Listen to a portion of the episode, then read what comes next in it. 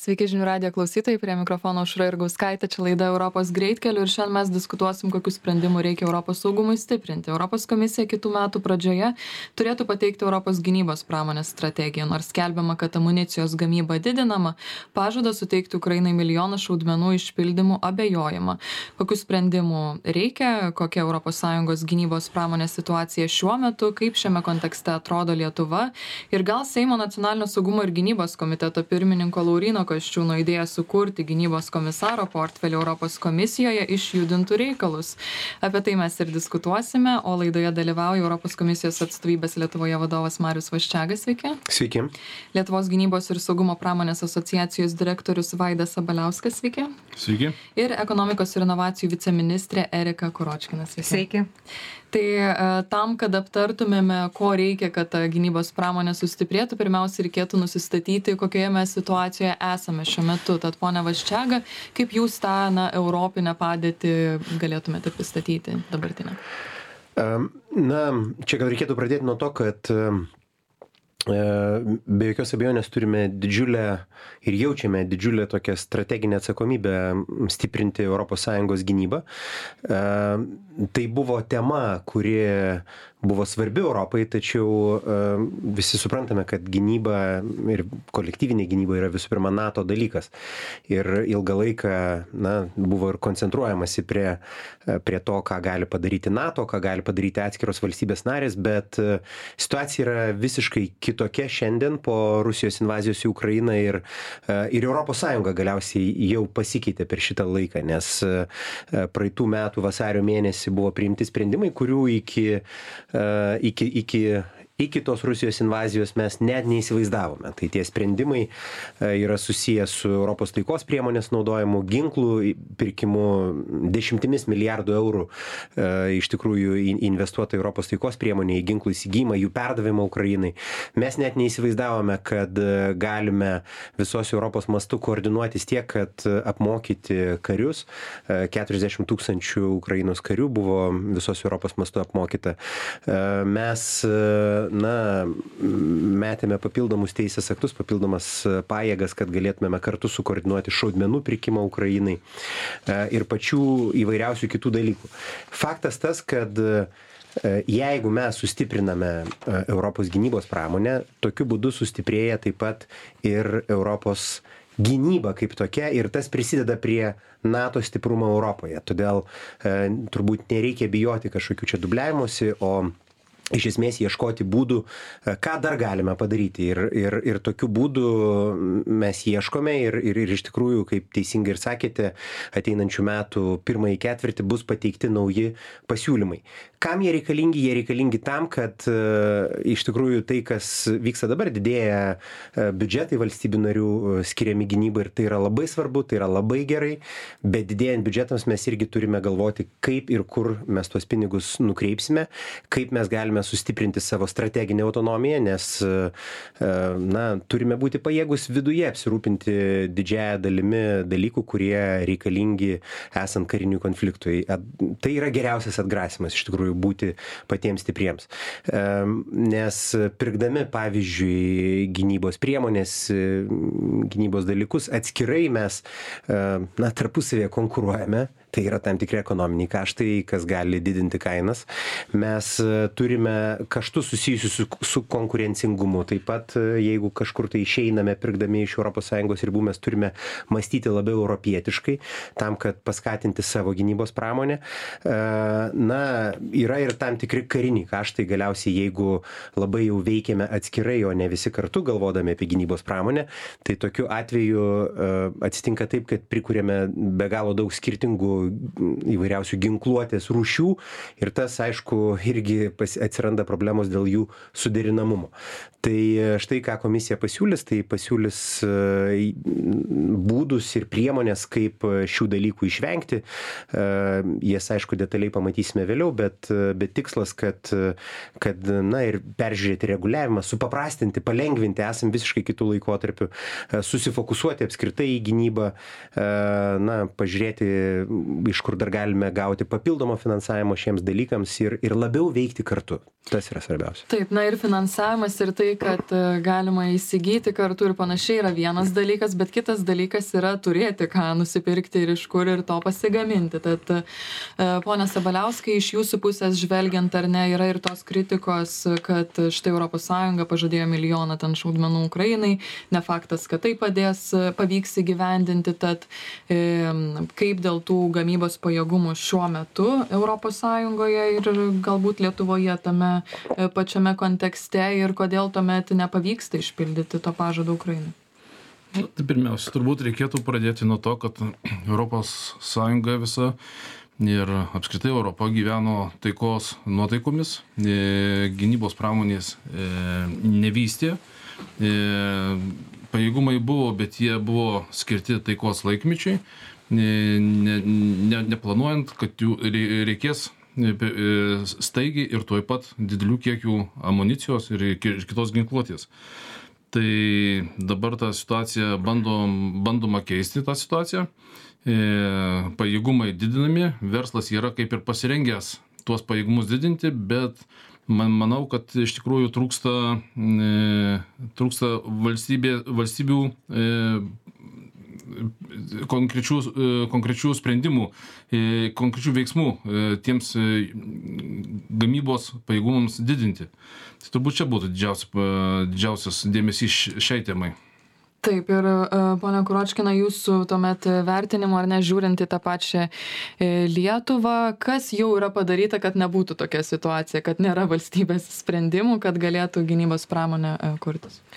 Tai matyt e, faktas kad e, pastaraisiais metais lietuvoje gynyb fokusas į gynybos pramonę gynybos inovacijų vystymą yra na išskirtinis A, tai tokie pagrindiniai, matyt, sprendimai, kurie buvo priimti, tai aišku, norisi paminėti laisvųjų ekonominių zonų atlaisvinimus ar ne.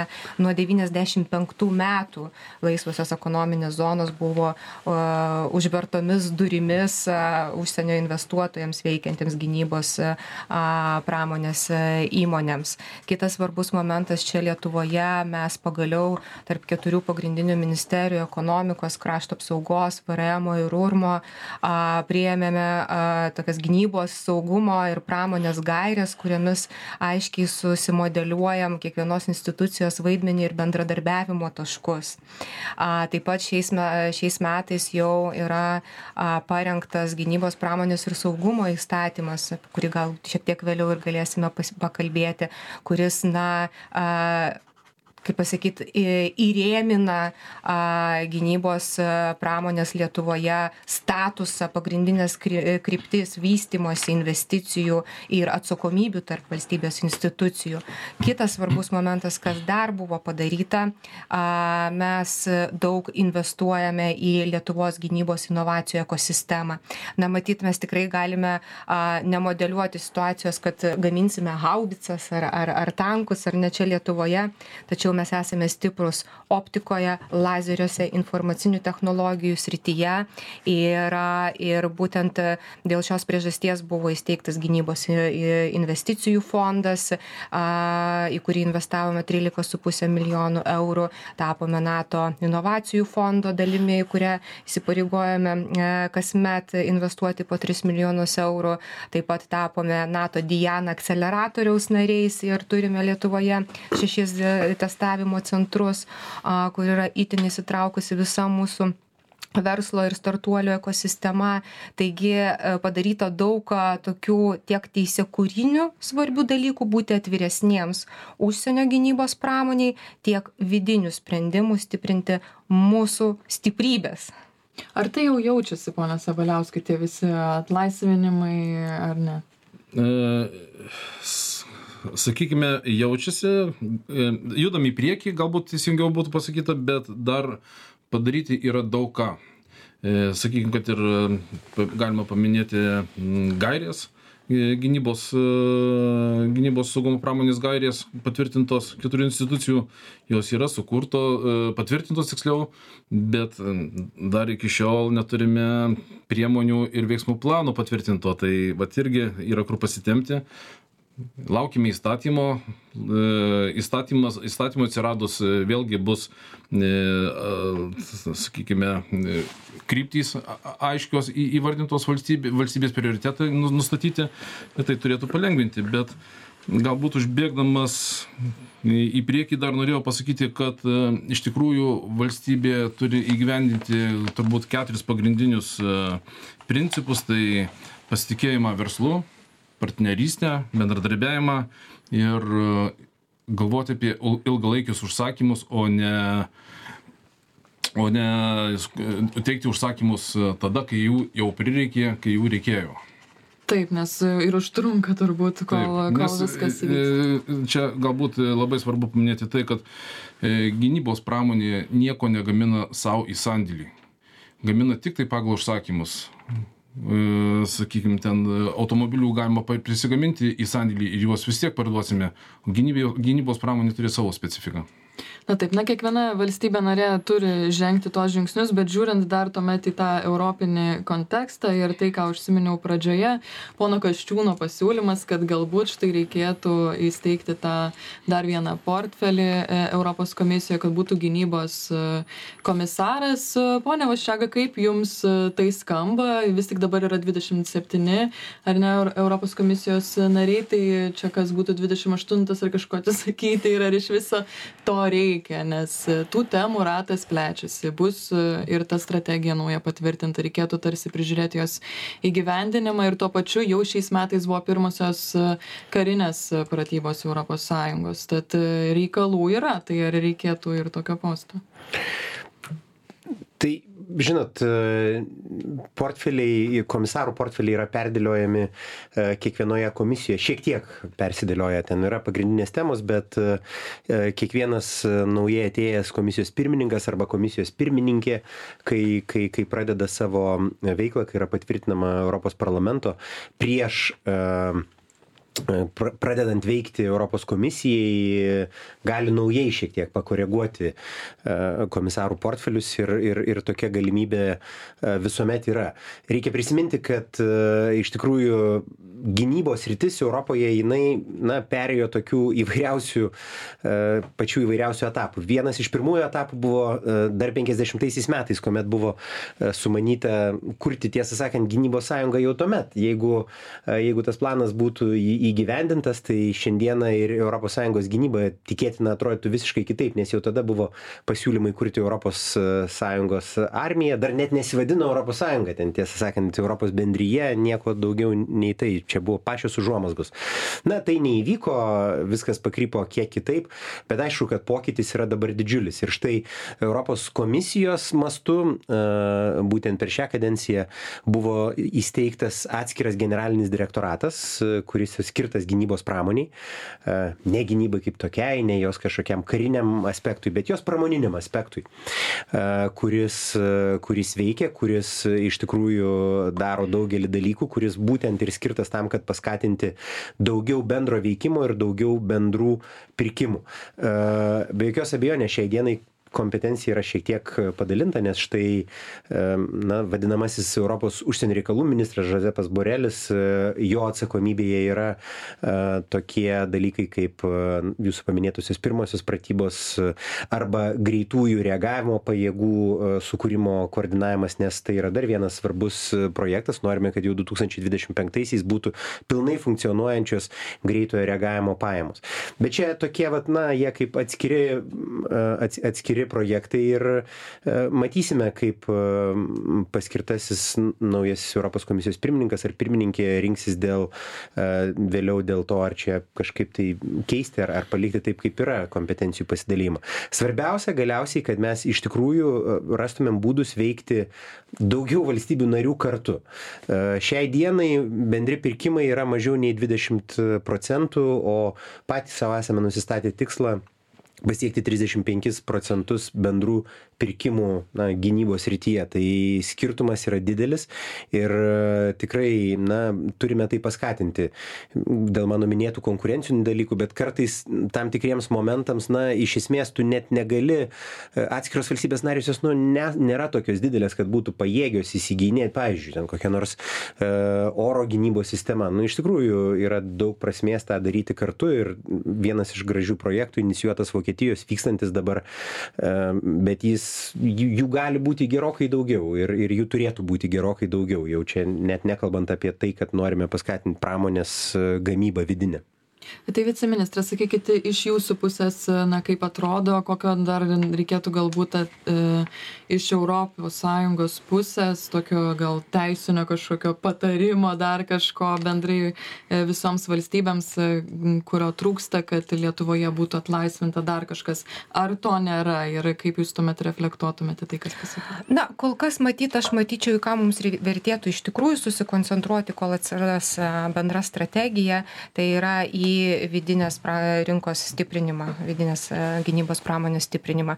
Pirmas dalykas gynybos pramonės įstatymas kuris turėtų pramoninį bendradarbiavimo modelį pas mus įtvirtinti kuris jau yra kitose sąjungos šalyse tačiau lietuvoje jo nėra. Tai čia matyt mums jau nereikia laukti kažkokio naujo reguliavimo mums reikia tiesiog a užtikrinti esamo esamas galimybes a ir iš tikrųjų labai e, dedame daug vilčių į tai nes šiuo modeliu mes turėsime galimybę galimybę na įveiklinti smarkiau ne tik išskirtinai gynybos srityje veikiančias lietuvos įmones bet ir apskritai teikiančias įvairias nežinau įrangos priežiūros paslaugas įmones ir ir ir ir aptarnavimo paslaugas ir ir ir panašiai. Kitas dalykas aišku gynybos ir saugumo pramonės gairių priemonių plano parengimas. Jisai ir iš tikrųjų jis nėra dar pristatytas rinkai bet dalinai yra parengtas Kada bus pristatytas? Nu, aš tikiuosi, kad pirmą ketvirtį yra uždėtas toks lūkestis, tai, tai tikiuosi, kad, kad pavyks a, tą padaryti. E, kitas svarbus momentas, aišku, ir tolesnės e, esamų reguliavimo administracinės naštos gynybos pramonėje veikiančioms įmonėms mažinimas. Turime tikrai momentais na, neadekvačių reikalavimų patalpoms ar ne ypatingai jaunoms įmonėms, nes Lietuvoje yra jauna gynybos pramonė pakankamai na didžioji jos dalis. Ir pavyzdžiui kai nustatyti reikalavimai vos ne nežinau su seifinėm durim ar ne tiesiog vystyti a tam tikras idėjas visiškai pradinėse stadijose yra na tikrai neadekvatu ir didelis stabdis a tai tai čia būtų mūsų pagrindinis fokusas kalbant apie teisėkūrą iki kol atsiras bendra bendra kryptis. A na ir aišku norisi tiesiog daugiau bendradarbiavimo ir su kariuomenės struktūromis. A kodėl sakau bendradarbiavimo ne dialogo nes dialogas kaip ir yra bet norisi daugiau bendrų sprendimų tam kad kariuomenė būtų atviresnė testuoti ir na dalintis poreikiais ir lūkesčiais inovatyviems gynybos sprendimams. Nes tikrai žinau pavyzdžių kai mūsų a gynybos įmonės investuoja nepaprastai daug laiko ir iš tikrųjų privačių lėšų e sukuria produktą ar ne ar jo prototipą a ir po metų darbo pasirodo kad kariuomenė visuomenei to nebereikia. Tai dėl to iš tikrųjų norisi labiau įtraukti tas pradines idėjų vystymo stadijas ir kurti kaip sako a a vaidas sprendimus a atliepiančius poreikį ir pirmiausiai aišku kariuomenės poreikį tai pone sabaliauskai ar tikrai nesidalina kariuomenė ko jiems reikia ir kada ar tą daro per vėlai ir nebespėjam kaip yra Aš norėčiau gal šiuo atveju e, truputėlį patikslinti, kad e, problema yra ne kariuomenėje. E, kariuomenė bendradarbiauja, ypač dabar pastaruoju metu mes e, turim ir dialogą, ir bendradarbiavimą, viskas tvarkoja su kariuomenė, galbūt labiau trukdo e, ministerijos, krašto apsaugos ministerijos tvarkos, kurios reglamentuoja kariuomenės veiklą. Nes būtent tos nustatytos tvarkos draud, kaip ir draudžia kariuomeniai bendrauti su verslu, vykdyti tuos testavimus ir panašiai ir panašiai, nes viskas yra paimta į krašto apsaugos ministerijos arba į gynybos resursų agentūros rankas. Tai manau, kad su kariuomenė, kariuomenės labai kaltinti nereikia, jie viskas sutvarko, sutvarko su jais dabar jau. E, Tai tuomet e, pabaigai jūsų lūkestis e, kitiems metams galbūt iš gynybos ir saugumo asociacijos. Didžiausias lūkestis tai aišku būtų gynybos ir saugumo pramonės įstatymo patvirtinimas ir, e, ir galbūt e, tas, e, kad patvirtinti, vien tik patvirtinti įstatymą yra vienas dalykas, bet kad jis dar būtų ir vykdomas ir visi suprastų reikalingumą tą įstatymą vykdyti, nes ką aš norėjau labai svarbų dalyką dar paminėti, tai kad valstybės institucijų vadovai, ministrai, viceministrai puikiai supranta situaciją ir palaiko idėją ir stengiasi viską daro. Bet e, labai dažnai tas klausimas, kai nueina į žemesnius e, valdininkų lygius, ten jisai sustoja ir pra, pradeda, prasideda kvestionavimas, ar to reikia, kam reikia, gal čia, jeigu čia atlaisvinsim, tai čia pasidarys pavojingiau, e, neadekvačiai vertinama situacija. Tai vat, kad ta situacija būtų adekvačiai vertinama visuose valstybės lygmenyse.